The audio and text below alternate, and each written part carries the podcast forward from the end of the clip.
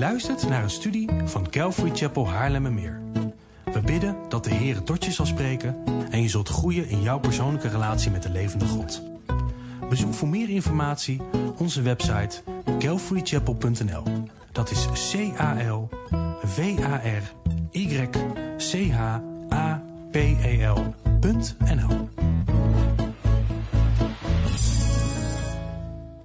Uh, vanmorgen pakken wij de preekserie Route 66 op. We zullen in vogelvlucht gaan kijken naar het Bijbelboek Habakkuk, uh, de achtste van de twaalf kleine profeten.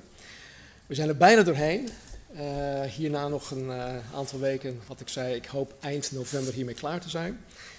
de bedoeling van deze serie is onder andere om de Bijbel en alle verbanden in de Bijbel, of van de Bijbel, beter te leren kennen.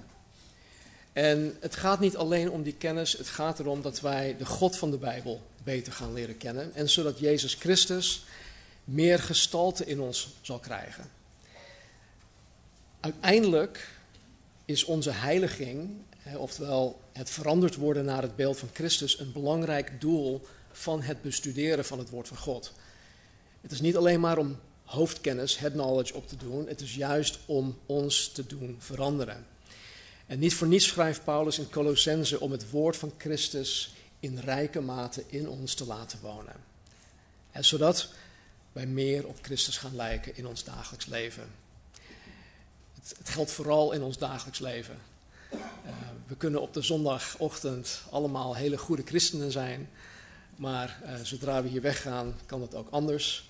Um, dat hoort niet. Uh, Wichel Tamboer die zei altijd vroom op zondag en Dreesman op maandag. En dat is niet de bedoeling. De Habakkuk uh, is een van de beter bekende profeten.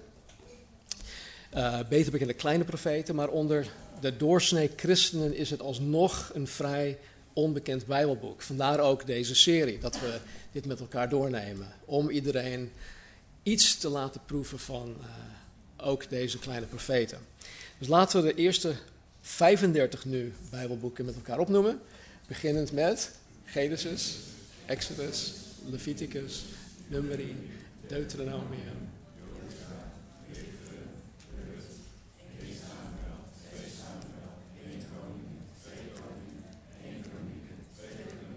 Ezra, Nehemia, Esther, Job, Psalmen, Spreuken, Prediker, Hooglied. Oh.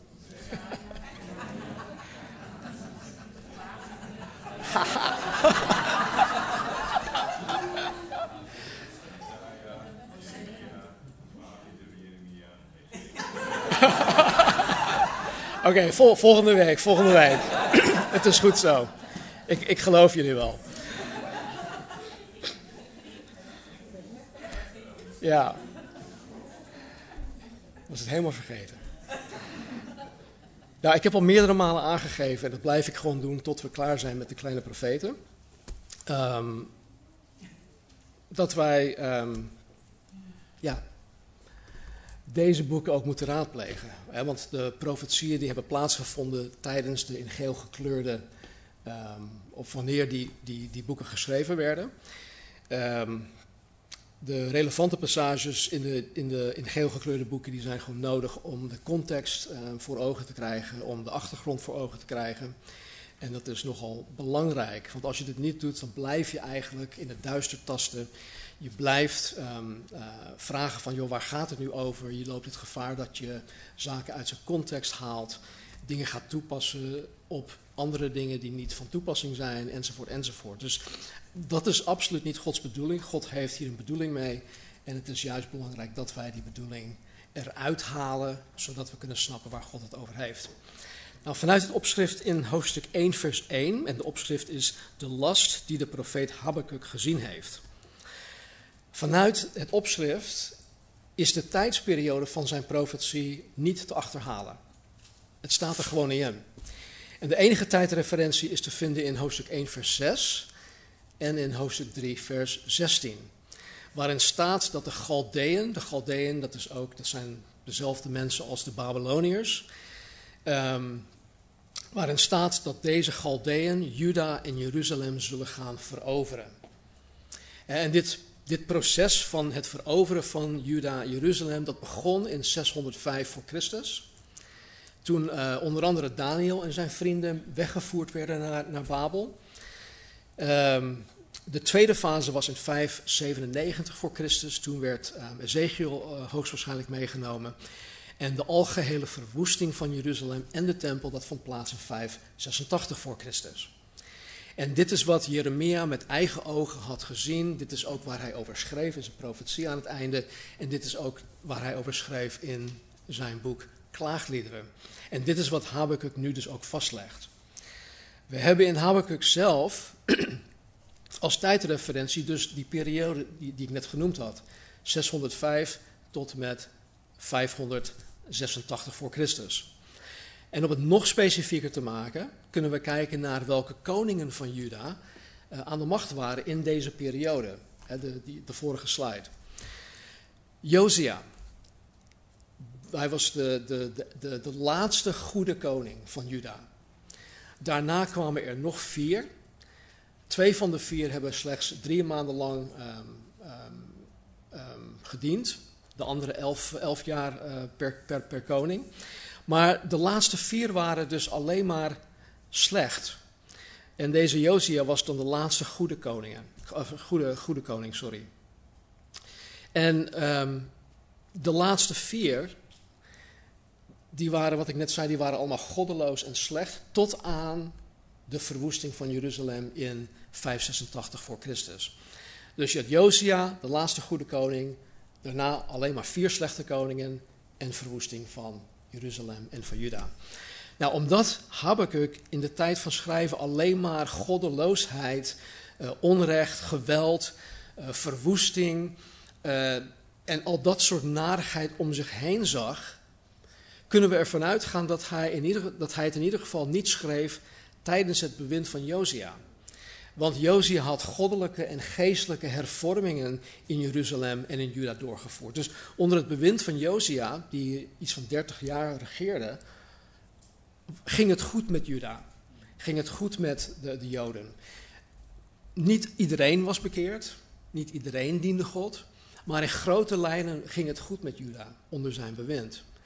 Dus deze Josia die, die leefde, uh, of die regeerde tot en met 609 voor Christus. Toen werd hij um, gedood in de strijd. En um, dus om, om, omdat de Babylonische koning, en deze, in, dit, in dit geval um, Nebukadnezar, in 605 voor Christus Jeruzalem voor de eerste keer, keer uh, binnenviel, moest het dus ergens tussen 609 en 605 plaatsgevonden hebben.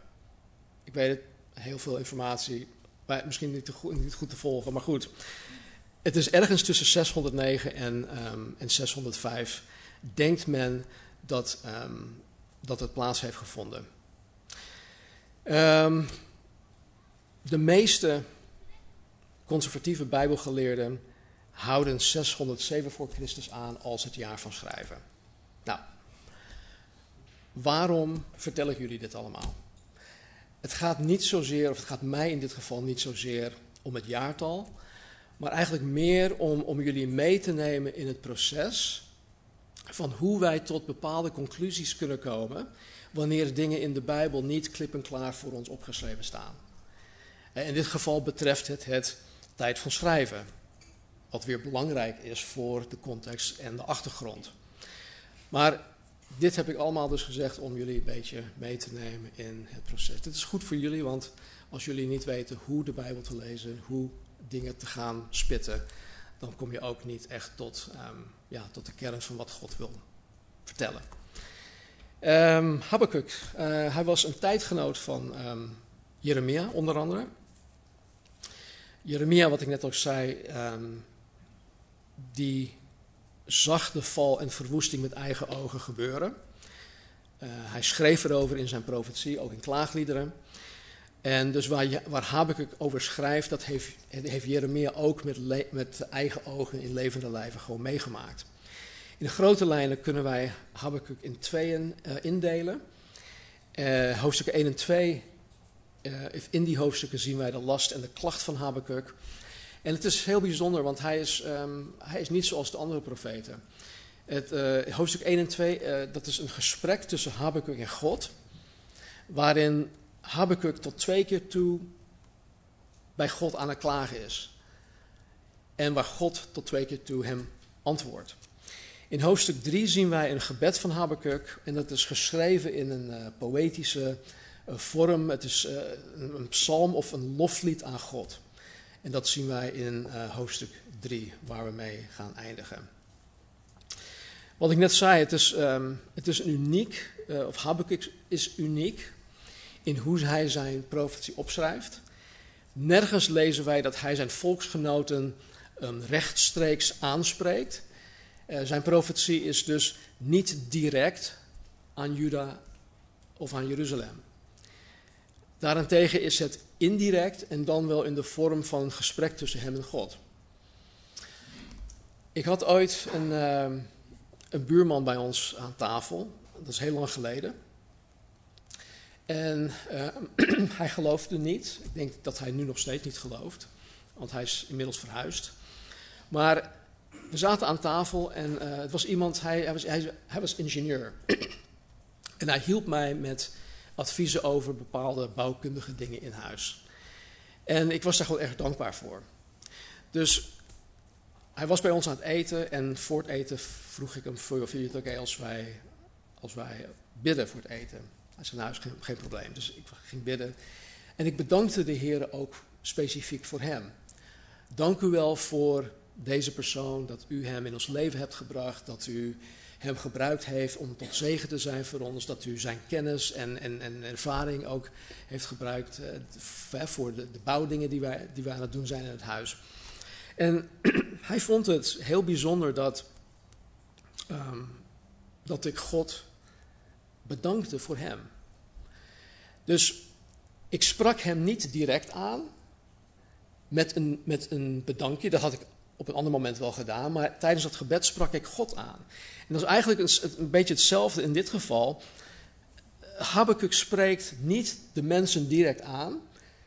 Maar hij spreekt God aan. Hij spreekt met God. Hij heeft een dialoog met God. Waardoor uiteindelijk de mensen de boodschap ook meekrijgen. Alright, uh, hoofdstuk 1, vers 1 tot en met 4.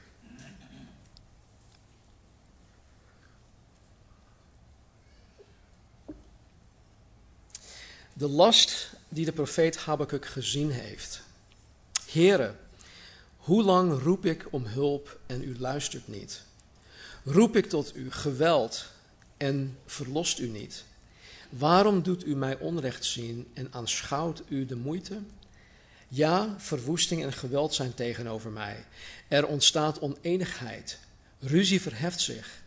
Daarom verliest de wet zijn kracht en komt het recht nooit meer tevoorschijn. Want de goddeloze omsingelt de rechtvaardige. Daarom komt het recht verdraaid tevoorschijn tot zover. Nou, zoals Nahum van vorige week en ook andere profeten een last van God hebben gekregen, kreeg ook Habakkuk een last te zien van de Heer. Deze last kreeg hij niet om voor zichzelf te houden. Het was bedoeld voor Juda en uiteindelijk ook voor ons, want er valt veel voor ons uh, uit te leren. In versen 2 tot en met 4 zien wij duidelijk dat Habakkuk een probleem had met God. Hij zag de kwaadaardigheid en de goddeloosheid van zijn volksgenoten Juda. Hij zag dat het alleen maar erger werd en het leek erop alsof God het allemaal, allemaal maar toeliet. Er was een gigantisch probleem in de Joodse maatschappij onder het bewind van die slechte koningen. De criminaliteit en het zinloos geweld was ongebreideld. Het ging maar door. Men kende geen onderscheid tussen goed en kwaad. Er was een en al oneenigheid en ruzie onder de eh, regeringsleiders. Er was ook corruptie onder de regeringsleiders en zij maakten grove inschattingsfouten voor wat betreft hoe zij het land moesten besturen. De wet van God was krachteloos omdat niemand zich eraan hield. En als het toch toegepast werd, dan werd het verdraaid in hun eigen voordeel. Ik denk niet dat heel veel veranderd is in de tijd. Het Joodse volk en de leiders van het volk waren Gods woord en Gods weg gewoon helemaal kwijt.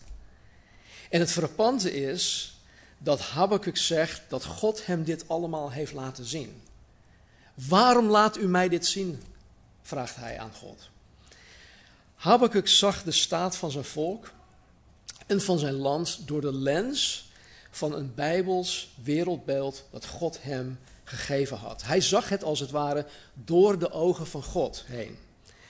En God, geeft, God heeft ons zijn woorden uh, gegeven, God heeft ons de Bijbel gegeven, zodat ook wij, anno 2022, in staat zijn om de staat van de wereld te zien waarin wij leven, door de lens van een Bijbels wereldbeeld. Oftewel, door de ogen van de Heer. God heeft ons dit gegeven, zodat wij zijn ogen, wij zijn oren, wij zijn mond, wij zijn handen en voeten kunnen zijn. Want als wij mensen en ook zaken die wij, die wij waarnemen, als wij die dingen door Gods ogen zien, dan weten wij hoe wij moeten handelen. En dan weten wij wat er nodig is. In alle gevallen, wanneer God ons iets laat zien, moeten we net zoals deze Habakkuk met God erover in gesprek gaan. Vaak is het zo dat wij liever, misschien jullie niet, maar andere mensen, die gaan erover roddelen. Uh, die gaan hun, uh, ja, hun galspuw op social media. Die gaan alles doen behalve dat zij het met God bespreken. Maar het is goed om het juist met God te gaan bespreken. En als wij uit dat gesprek, of als uit dat eh, gesprek blijkt dat wij moeten handelen, dan doen we dat. Althans, of dat moeten wij dan doen. En als we niet weten wat we moeten doen, dan doen we niets totdat God het ons laat zien. Dat is zo'n belangrijk iets. En wanneer wij niet weten wat we moeten doen, dat wij gewoon niets doen. We moeten de discipline gewoon hebben om dan niets te doen. Marnie en ik die kijken een, uh, af en toe een, een, een serie dat heet uh, Endeavour. Dat gaat over een zekere Morse. Het is een uh, typisch Engels-Brits crime, murder crime, nog wat serie. en het, is schoon, het, is, het wordt weinig tot helemaal niet gevloekt. er is geen seks of dat soort dingen, geen bloot, helemaal niks. En als je dan sommige mensen hoort, dingen hoort zeggen, dan zeggen ze vaak: Ja, eh, ik, ik wist niet wat ik moest doen, dus ik heb dit gedaan. Als je niet weet wat je moet doen, moet je gewoon niks doen. Wij zijn Gods kinderen, Hij leidt ons. En als Hij ons nergens naartoe leidt, dan moeten we blijven wachten totdat Hij ons leidt. Totdat Hij zijn wil duidelijk maakt. En dat, dat deed Habakkuk dus ook. Hij, hij, hij, hij ging met God hierover in gesprek. Hij, hij, hij wist niet wat hij moest doen, maar hij bleef het aan God vragen. Ondanks dat hij dingen waarnam. En hij nam die dingen waar omdat God het hem juist had laten zien. Dus God, of Habakkuk vraagt God waarom God hem deze ellende laat zien, terwijl God passief blijkt toe te kijken. Even verderop, in vers 13, stelt Habakkuk dezelfde waarom-vraag aan God. En ik weet zeker dat ook wij ooit wel eens waarom-vragen hebben gesteld. Misschien zit je zelfs op dit moment met een waarom-vraag, of met meerdere waarom-vragen. Dat kan. Ik geef toe dat, alhoewel ik me overgegeven heb aan de goedheid en aan de soevereiniteit en aan gewoon wie God is. Ik heb me daaraan overgegeven. Vraag ik me af en toe gewoon af waarom persoon X niet wedergeboren is. Heer, waarom is die persoon niet wedergeboren? Waarom ik wel en die persoon niet? Die persoon heeft het evangelie vanaf de geboorte meegekregen heeft het tot uiting zien komen in talloze zaken. Heeft goddelijke voorbeelden in het leven gekregen. Heeft degelijk bijbels onderwijs gekregen. Heeft God aan het werk zien gaan in zijn eigen leven. is meerdere malen door God uit ellende gered en toch wandelt die persoon niet met de Heer. Waarom niet?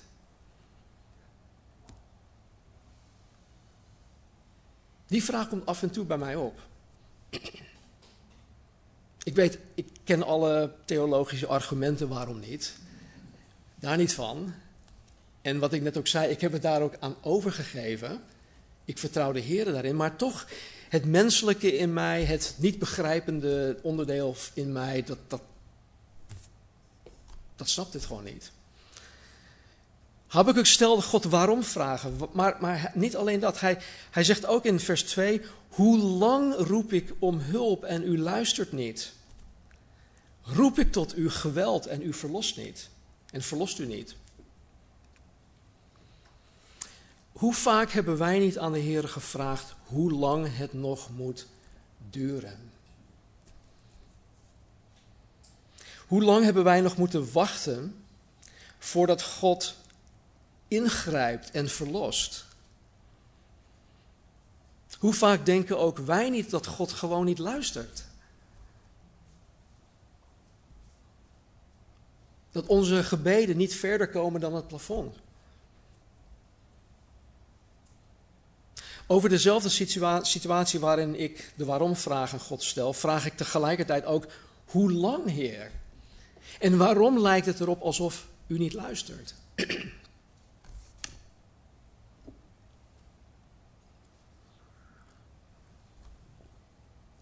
Kijk, ik hoef verder geen voorbeelden te noemen om dit in jullie leven toe te kunnen passen. Het, het spreekt voor zich. En ik weet dat jullie allemaal met dit soort dingen te maken krijgen.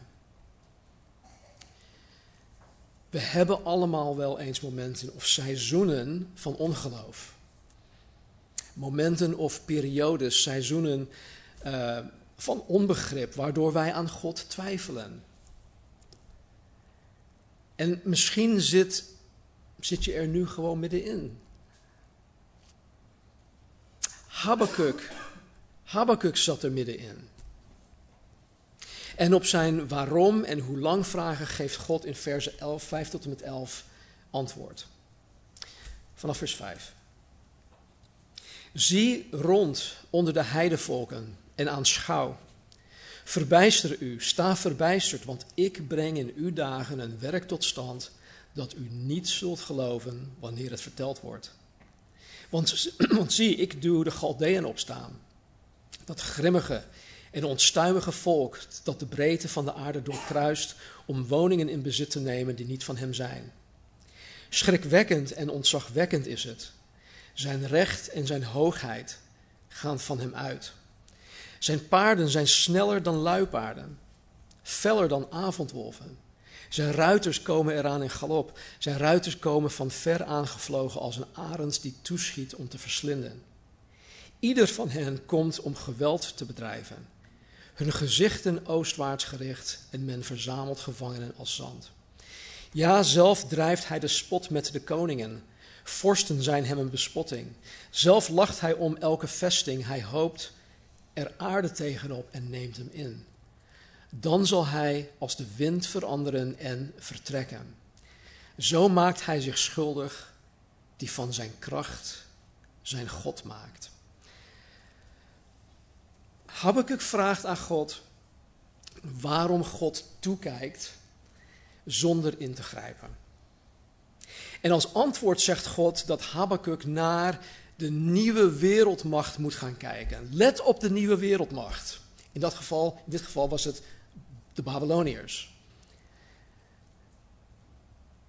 En God zegt dat al zou ik je het vertellen, al zou ik je vertellen wat ik ga doen, je zal het niet geloven. Want God gaat iets zeer ongebruikelijk doen. God zegt dat hij de Galdeën, de Babyloniërs, zal gebruiken om Juda te straffen. Met andere woorden, God gaat een nog meer goddeloos volk gebruiken om zijn eigen goddeloos volk te straffen. En, en hier kan Habakkuk gewoon niet bij. Als Habakkuk tot op dit moment al met een aantal uh, waarom-vragen zat, is hij nu helemaal verbijsterd. Nu snapt hij er helemaal niks meer van. Vers 12 en 13. Antwoord van Habakkuk. Bent u niet van oudsher de Heere, mijn God, mijn Heilige? Wij zullen niet sterven, dus wij Joden, wij Judeërs zullen niet sterven. Heren, u hebt hem, dus um, Babylonië, gesteld tot een oordeel. Rots, u hebt hem gegrondvest om te straffen.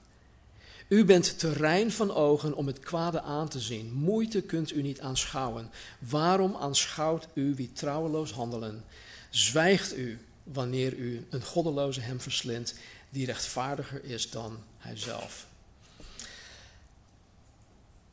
Habakkuk hoort dit aan en hij vraagt hier als het ware om een time-out. Hij zegt, wait, wacht, wacht even, time-out, ik snap hier nu helemaal niks van. Hij zegt, bent u niet de God die ik ken? De eeuwige, de heilige. Bent u niet die God? Wij Joden zullen toch niet omgebracht worden? U hebt de Babyloniërs toch gesteld tot een oordeel. U gaat hen toch straffen, toch niet ons? Hij snapt het dus niet. En dan zegt hij dit: U, God, die geen zonde kan tolereren, u die geen onrecht en kwaad kan aanzien, dit zou u toch nooit doen? Maar diep in het hart van Habakuk kent hij de Heere zijn God. Hij kent God. Hij kent de Heere zijn God, zijn heilige. En omdat hij God kent, doet hij het volgende. Hoofdstuk 2, vers 1. Hoofdstuk 2, vers 1.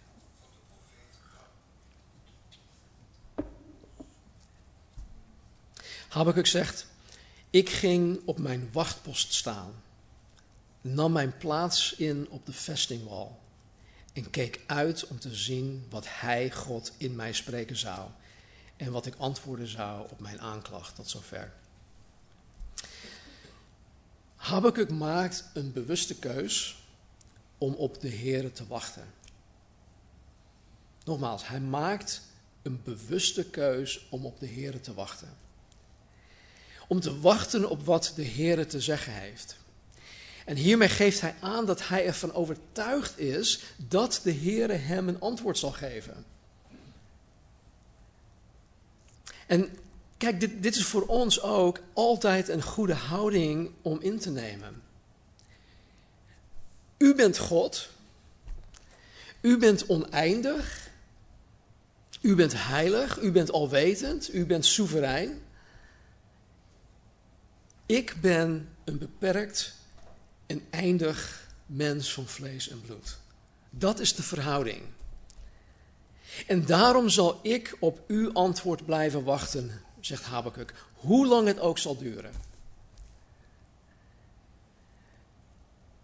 Wanneer wij iets niet weten of begrijpen, is het echt van essentieel belang om terug te vallen op wat wij wel weten en wat wij wel begrijpen. Habakkuk gaf aan dat hij de eeuwige en heilige God, de Heere, kende. En alhoewel hij niet snapte wat er om zich heen allemaal gebeurde en hoe God daarmee omging, koos Habakkuk ervoor om terug te vallen op wat hij wel snapte, wel kende. En wat was dat? Dat was God zelf. En daarom is het van levensbelang om de God van de Bijbel, Jezus Christus, te leren kennen zoals Hij daadwerkelijk is. Als wij Hem niet kennen, dan blijven wij met vragen zitten. Dan blijven wij het leven niet snappen.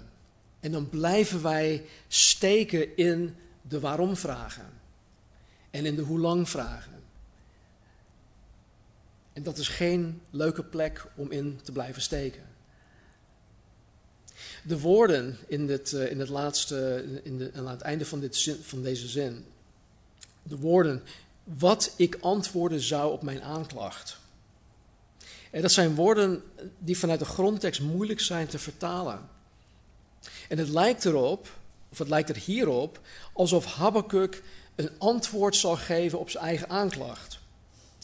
Maar een andere verklaring kan zijn dat Habakkuk een antwoord zal geven wanneer hij door de Heere gecorrigeerd zal worden door het antwoord dat hij van de Heere zal krijgen. En zo staat het uh, bijvoorbeeld ook in de King James vertaling, New King James vertaling, New American Standard Bible. Dan staat er dat um, hij antwoord krijgt of dat hij antwoorden zal wanneer hij gecorrigeerd gaat worden. Nou, ik haal dit aan omdat het belangrijk is wanneer wij op de Here wachten, dat wij ertoe bereid zijn om door de Here ook gecorrigeerd te worden. Vaak wachten we op een antwoord en dan zijn we op zoek naar een, een leuk antwoord. Toch? Vaak, vragen we de Heer, Heer, geef mij alsjeblieft dit of laat me dit alsjeblieft zien. En eh, zodra we het groen licht krijgen, dan gaan we handelen of iets dergelijks. Vaak zijn we echt op zoek naar leuke antwoorden. Maar hij was ertoe bereid om ook gecorrigeerd te worden, om een antwoord te krijgen dat hem zou corrigeren. En we mogen nooit een houding hebben waarin wij denken dat wij uiteindelijk gelijk hebben. Ha, ik zei het toch, God? Ik had toch gelijk. Nee, dat is de verkeerde houding. Wij moeten ervan uitgaan dat wanneer wij God niet begrijpen, dat het, aan, dat het, aan, um, dat het niet aan. Uh, wanneer wij God niet begrijpen, dat het aan ons ligt en niet aan God. Ja, als ik God niet begrijp, dan ligt het aan mij. Als ik iets niet snap wat in de Bijbel staat, dan ligt het aan mij. Het ligt niet aan God. Dus als en wanneer God ervoor kiest om ons antwoord te geven, moeten wij verwachten dat Hij ons zal corrigeren. Niet voor niets schrijft Paulus dat wij hervormd moeten worden door het vernieuwen van ons denken. dit is onder andere wat het woord van God in ons doet. Het doet ons van gedachten veranderen. Het corrigeert ons denken. Nou, vers 2 tot en met 20 We weten ten eerste niet hoeveel tijd er tussen vers 1 en 2 in zit. Wij lezen er heel snel overheen. We gaan van vers 1 naar vers 2. Maar het kan zijn dat er dagen, weken, zelfs maanden lang tussen zitten. Hoe dan ook, God geeft zoals Habakkuk verwachtte antwoord. En zijn antwoord begint als volgt. Toen antwoordde de Heer mij en zei: schrijf het visioen op. Grif het, op duidelijk, of grif het duidelijk in tafelen. In het Engels staat er een grif het in een, op een iPad, op tab, tablets, namelijk. grif het duidelijk in tafelen, zodat het in het snel voorbijlopen te lezen is. Voorzeker, het visioen wacht nog op de vastgestelde tijd. Aan het einde zal hij het werkelijkheid maken. Hij liegt niet. Als hij uitblijft, verwacht hem. Want hij komt zeker. Hij zal, het zal niet wegblijven. Nou, de Heer draagt Habakkuk op om het visioen op tafelen duidelijk op te schrijven, zodat het voor iedereen duidelijk en leesbaar is. En de Heer verzekert Habakkuk dat wat God voorneemt te doen, hij echt gaat doen. De zaak staat gewoon vast, punt uit. God laat Habakkuk zien dat God de Babyloniër zal gebruiken om Juda te oordelen. Maar uiteindelijk zal God zelf ook de Babyloniërs oordelen. En in de rest van hoofdstuk 2 spreekt God vijf weeën uit over de Babyloniërs. Zoek het maar op. Wee dit en wee dat. Even kijken hoor. Vanaf vers. Vanaf het einde van vers 6. Wee hem die vermeerdert wat niet van hem is vers 9, wee hem die op winstbejag uit is voor zijn huis. Vers 12, wee hem die een stad met vergoten bloed bouwt. Vers 15, wee hem die zijn naaste te drinken geeft, u die vergif daaraan toevoegt en hem ook dronken maakt om hun naaktheid te aanschouwen. Vers 19, wee hem die tegen het stuk hout zegt, dus een afgod, word wakker, ontwaak tegen een zwijgende steen. Dus dit zijn allemaal ehm, weeën die God over uh, Babylonië uitspraak. Nogmaals, het staat vast. Maar goed, wat is dan de kern van het visioen?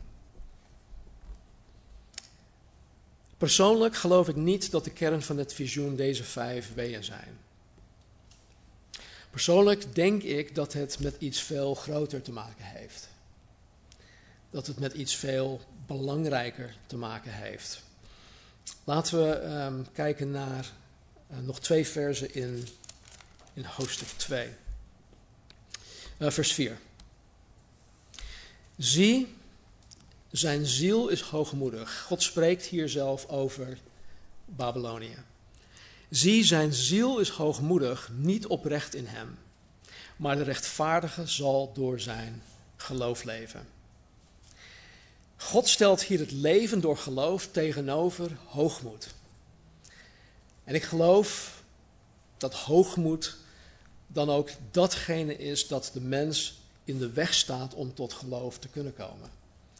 Hoogmoed was de eerste zonde van de Satan en hoogmoed is nog steeds iets wat mensen tegenhoudt om zich over te willen geven aan de Heere God. Nou, ik kan omwille van de tijd niet ingaan op dat stuk. Waar ik wel naar wil kijken is het feit dat de rechtvaardige door zijn geloof zal leven. Dit gold voor Habakkuk. En het gold ook voor allen die in het Oude Testament door hun geloof door God gerechtvaardigd waren. Paulus spreekt over Abraham in Romeinen 4 dat hij gerechtvaardigd is door zijn geloof. Nou, dit is niet slechts een, een willekeurig vers. Misschien lees je er heel snel overheen. Maar dit werd in drie nieuwtestamentische boeken geciteerd. Weten jullie in welke drie boeken? Ja, Mark wel. nou, het werd geciteerd in Romeinen 1, vers 17 en gelaten hoofdstuk uh, eh, 3, vers 11 en ook in Hebreeën 10, vers 38. Het is dus niet, niet zomaar iets. En het werd geciteerd in deze drie nieuwtestamentische boeken wanneer het ging of waar het gaat over hoe iemand door God gered wordt. Het heeft dus met redding te maken. Hoe komt iemand tot redding? Hoe wordt iemand überhaupt gered? Hoe is redding mogelijk? Deze waarheid, hè, dat um, de rechtvaardige door zijn geloof zal leven, deze waarheid was ook de aanleiding tot de Reformatie, wat trouwens morgen gevierd wordt. Hervormingsdag, Reformatiedag. Ja? Morgen, 31ste. Kijk, op het moment dat ik tot geloof in Jezus Christus kwam, werd ik door God gerechtvaardigd. En dat betekent dat ik nu voor 100% rechtvaardig voor God kan staan. Ik hoef niet bang te zijn van, oh, misschien gaat God mij hier en daar nog op aanspreken. Nee, ik ben gewoon rechtvaardig. Ik ben gerechtvaardigd. Alsof ik nooit gezondigd heb. En positioneel acht God mij niet langer als de vervloekte zondaar, maar in Christus acht God mij als geheel gerechtvaardigd. En er is niets dat ik, er, er, ik ervoor gedaan heb. Ik, ik, ik heb niks gedaan, ik kan er ook nooit iets voor doen. Het is puur genade en het is alleen door God of door geloof in Jezus Christus. Geloof dat zelfs God mij gegeven heeft. En ik geloof dat, dat dit de boodschap is die God duidelijk wilde maken in het visioen dat Habakkuk van God kreeg. Dit is één onderdeel daarvan. Er is nog meer. Laten we ook kijken naar vers 14. Vers 14, uh, eh, ja, vers 14.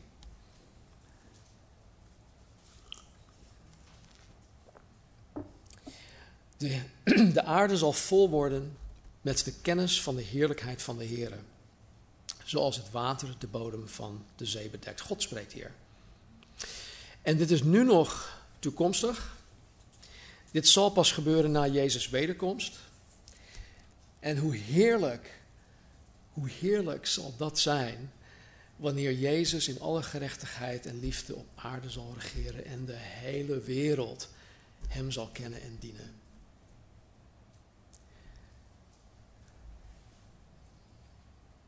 In de Romeinen schrijft Paulus dat de, de wereld, de schepping, alles met rijkhalzend verlangen uitkijkt naar dit moment. Ik hoef alleen maar naar de, naar naar de supermarkt toe te gaan. of uh, in de auto te stappen en iemand gebruikt zijn richtingaanwijzer niet wanneer hij de rotonde verlaat.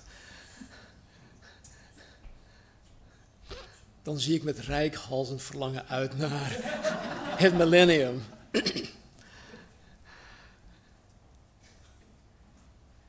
Kijk, ik geloof echt dat de boodschap van het visioen eeuwigheidswaarde heeft. Dat God ook echt de eeuwigheid voor ogen heeft. Het heeft te maken met Gods redding van de mens. Het heeft te maken met het, met het geweldig toekomstperspectief uh, die God de zijne geeft. Ik denk niet dat het met die vijf W'en te maken heeft. Nou, in hoofdstuk 3 reageert Habakkuk hierop met een prachtig gebed dat geschreven is eh, als een psalm, oftewel als een loflied aan God. Habakkuk schrijft in verleden tijd, hij grijpt terug naar wie God is en wat God in het verleden allemaal gedaan heeft. En ook dit is een zeer gezonde praktijk, ook voor ons anno 2022. Het is altijd goed om na te denken over wie God is. Dat sowieso. Begin je dag daarmee. Begin je dag met het nadenken over wie God is, over wie jou gered heeft, over wie jij mag dienen en kennen. Denk ook na over wat Hij gedaan heeft. Zowel theologisch wat Hij gedaan heeft, maar ook voor jou persoonlijk. Marnie is uh, het een en ander aan het opruimen in, uh, in, in onze gaskamer. En ze kwam gisteren een, uh, een schrift tegen, waarin zij heel veel dingen had opgeschreven uh, tijdens een reis die wij ergens in vijf jaar geleden of zo maakten in de States. En um, ze deelde een aantal dingen met mij. En um, ik dacht van wauw, wat gaaf dat jij dit hebt vastgelegd. Ik heb zelf ook wel, wel wat dingen opgeschreven, maar we vergeten dingen zo, zo gauw. Wij vergeten gewoon dat God gisteren iets prachtigs heeft gedaan, omdat we vandaag, noem maar, wat, zeg maar wat, omdat we vandaag chagrijnig zijn, omdat X, Y, Z.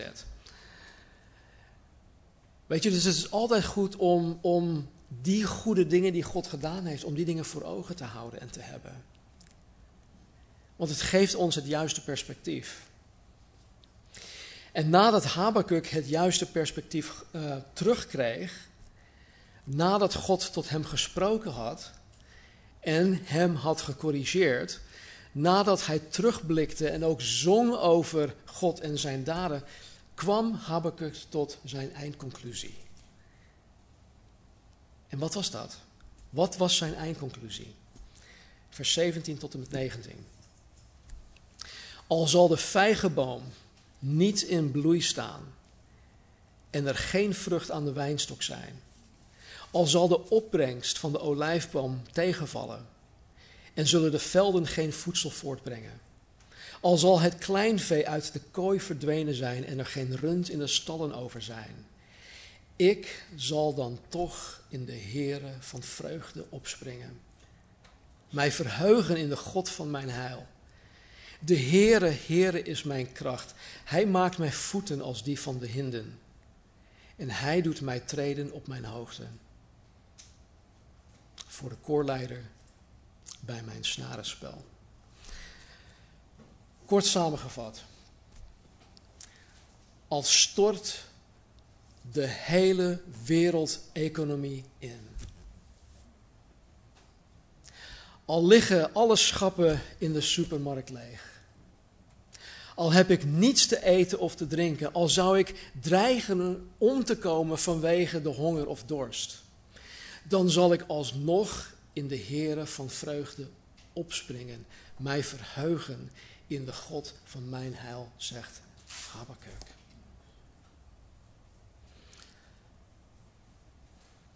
Dit is voor mij enerzijds super, super bemoedigend dat iemand die met een hoop waarom vragen begon, tot zo'n conclusie kan komen. Anderzijds is het zeer confronterend. Hoe vaak ik wel niet klaag over ongemakken.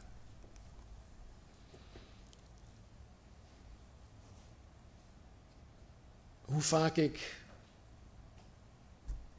wel niet chagrijnig word omdat dingen tegenzitten.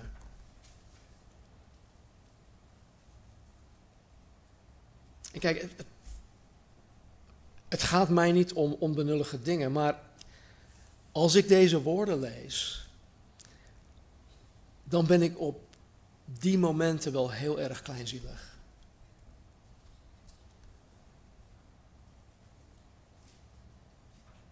Hij begon met een aantal waarom en hoe lang vragen. Hij, hij snapte er niks van. Hij begreep niet dat God handelde zoals hij handelde. Hij begreep niet dat God onrecht, zinloos geweld, corruptie, goddeloosheid zomaar toeliet zonder in te grijpen.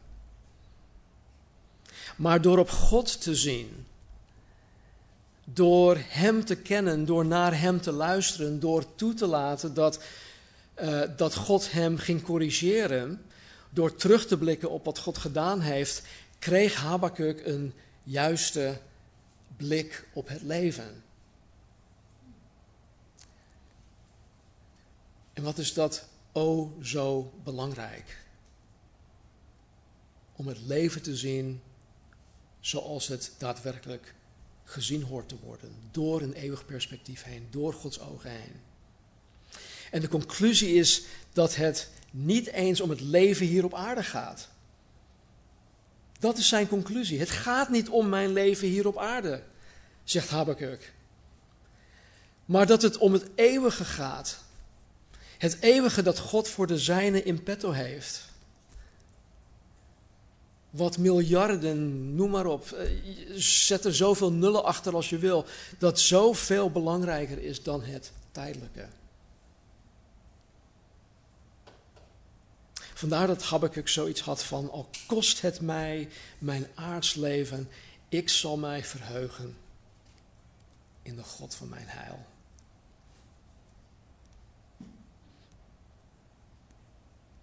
Ik wil zijn zoals Habakkuk. Marnie wil zijn. Marnie wil dat ik zal zijn als Habakkuk.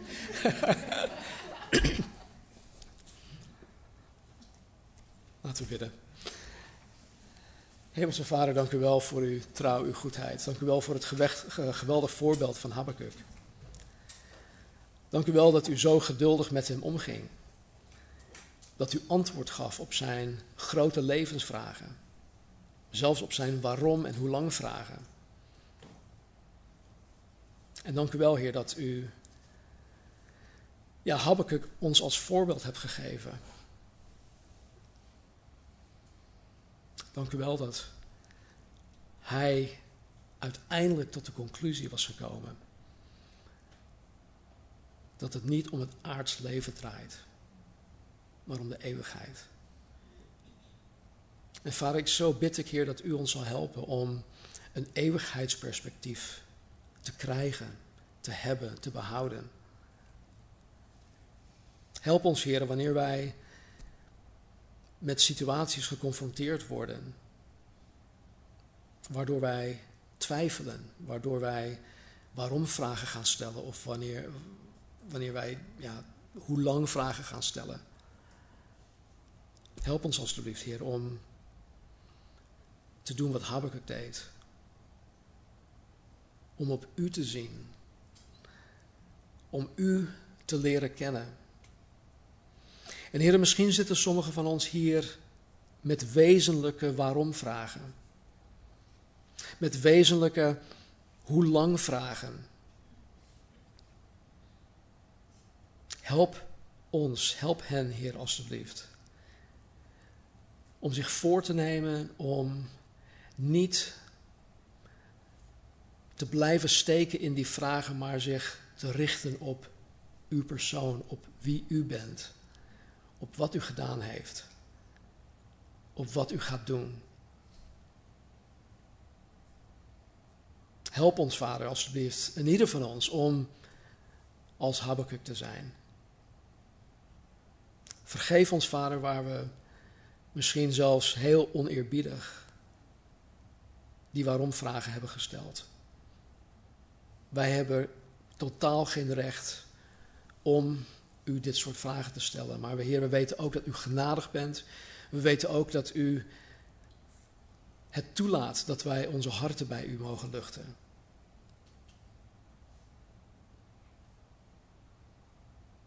Dus heren, wij geloven, maar kom ons alstublieft tegemoet in ons ongeloof. Help ons in ons twijfelen. Help ons wanneer we dingen niet snappen, wanneer we u niet begrijpen. En help ons dan ook te volharden in het wachten op de Heer, om u te zoeken. Dat vragen we in Jezus' naam. Amen.